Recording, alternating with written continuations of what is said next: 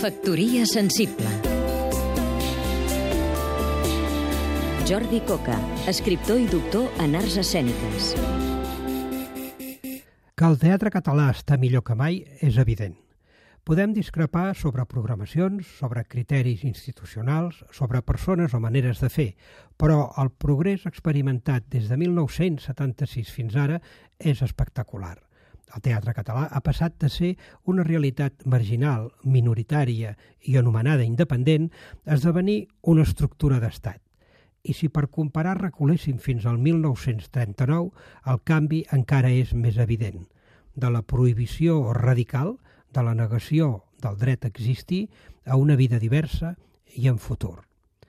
Del franquisme repugnant a la democràcia, el teatre català ha esdevingut una estructura d'estat i ara mateix visualitza en el terreny de l'art què suposa exercir el dret a decidir.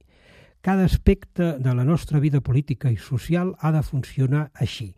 Nosaltres planifiquem el futur, nosaltres actuem a partir de decisions no condicionades, nosaltres avancem i també ens equivoquem.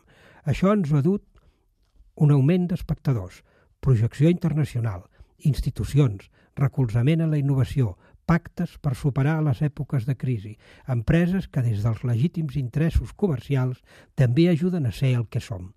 Ho reitero, l'evolució del teatre català ens il·lustra de manera clara sobre els avantatges d'actuar amb independència. Som el que hem decidit ser i tal com va proclamar l'actual director del Teatre Nacional, treballem pels ciutadans – i no per tenir més públic. Factoria sensible